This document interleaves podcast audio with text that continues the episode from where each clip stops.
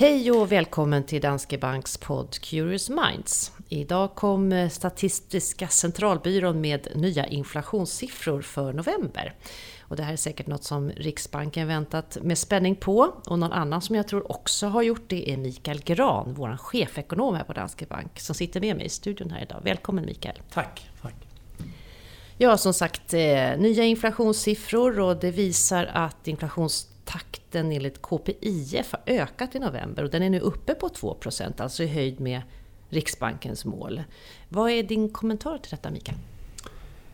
Ja, alltså jag tror egentligen inte att det här eh, är så stort eh, ska vi säga, problem ur den synvinkeln att vi har ju, tillhör ju den, eh, eller de prognosmakare som tror på lägre inflation. Nu studsade den upp lite grann igen kan man säga här till, till 2 men vi bedömer ju att eh, trenden är, är, är på väg ner. Eh, men det som man kan säga det den här månaden um, som, som drev inflationen lite uppåt då, vilket var en överraskning därför att vi hade ju fått eh, både norska och danska siffror dagen innan här som mm. pekade på att det var ganska stort fall i, i priserna på internationella flygbiljetter och även på charterresor och så. Och, um, så vi hade ställt in oss på att det kunde bli en liten lägre eh, siffra då än vad vi först hade räknat med. Men, men eh, dagens siffror visade att det var en ännu större upp, överraskning på uppsidan här som kom av lite högre klädpriser och eh, även elpriserna gick upp mer än vad vi hade eh, Just det, för det var en fråga. Bedömt. Vad är det som har drivit på den här utvecklingen nu? Att den är uppe på 2% Ja, alltså eh, det har ju varit en massa olika eh, prishöjningar i år. Om man, tittar, om man mer tittar på årstakterna då istället för månadsförändringarna så har vi ju haft eh, eh Ja, vi har haft en massa skattehöjningar i år som har hjälpt till att, lyfta inflationen. Men vi har även haft de här, som sagt, eh, metodförändringen mm. man mäter charterresor. Eh, och en del, vad jag skulle kalla för riktig inflation. Då, att det faktiskt har kommit en del höjningar i restaurangpriser och annat som, som som inte är av den här tillfälliga naturen. Så det finns ett antal eh, faktorer bakom här, men varav en del är riktiga. Men jag skulle säga att den, kanske den större delen faktiskt är sådana här faktorer som,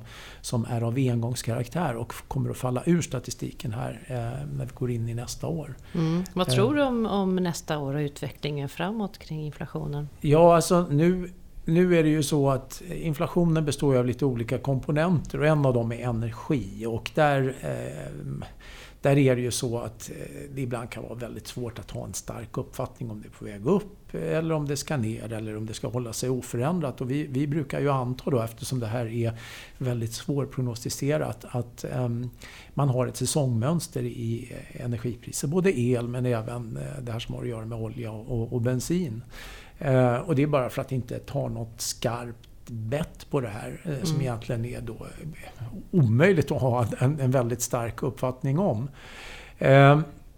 Men just nu är det ju så att dels har vi hört att de som handlar på elmarknaden ser framför sig att priserna ska upp. Jag vet inte varför. Jag tycker att man har höjt ganska mm. mycket priser här, både, både de här elnätsavgifter och annat för vanliga eh, svenska konsumenter. Ehm, och sen uppe på det ska man höra då att energipriserna ska upp.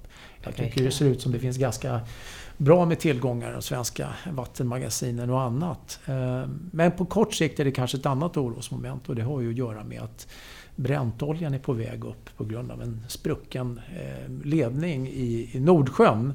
Eh, och det kanske består ett tag. Men, men jag menar, så en sån, trend, sån enstaka händelse kan alltså påverka? Ja, det, det gör det ju. Det där kan ju ligga kvar under ett antal månader. Men det är inget som egentligen på sikt bör färga inflationsutsikterna. Mm.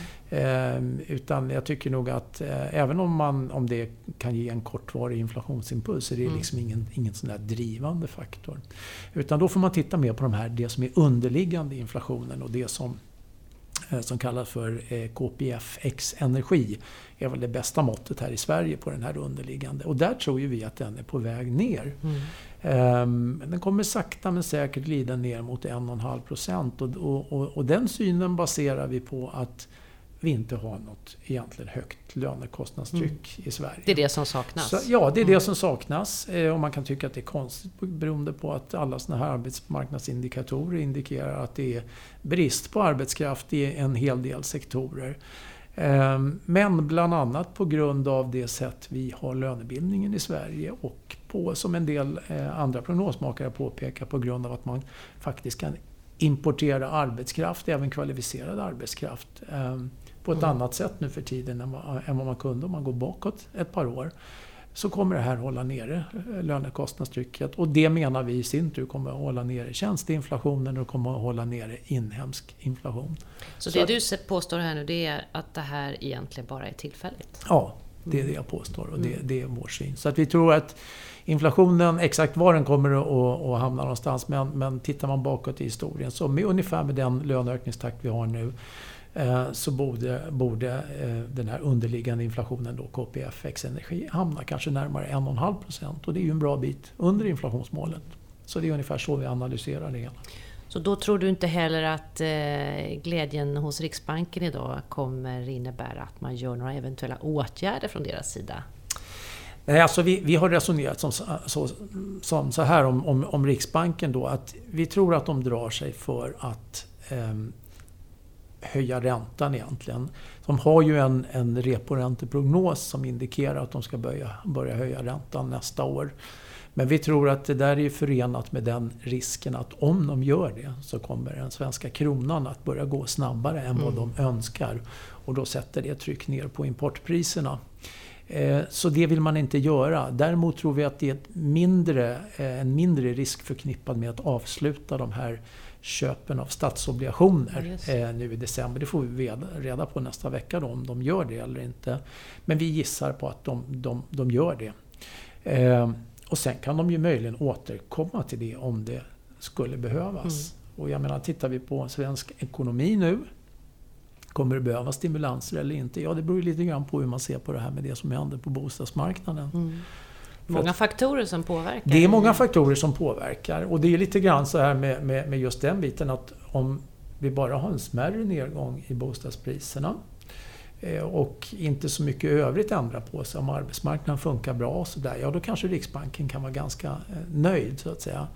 Men om, om det skulle bli ett större prisfall och det skulle börja smitta av sig på andra sektorer, ja då kanske de mer tydligt får börja ta in riskerna med det också i sin bedömning av ekonomin och även av inflationsutsikterna. Så att det är lite, en ganska knepig situation mm. här, lite grann vattendelare hur stort det här prisfallet på bostäder blir. Men du Mikael, vi har ju som sagt, du sa det själv, nästa vecka så kommer Riksbanken med sitt räntebesked. Så, och jag tror att du och jag får anledning att mötas igen då i Säkert. den här studion. Ja. Tills dess, tack så länge. Tack så mycket. Hej.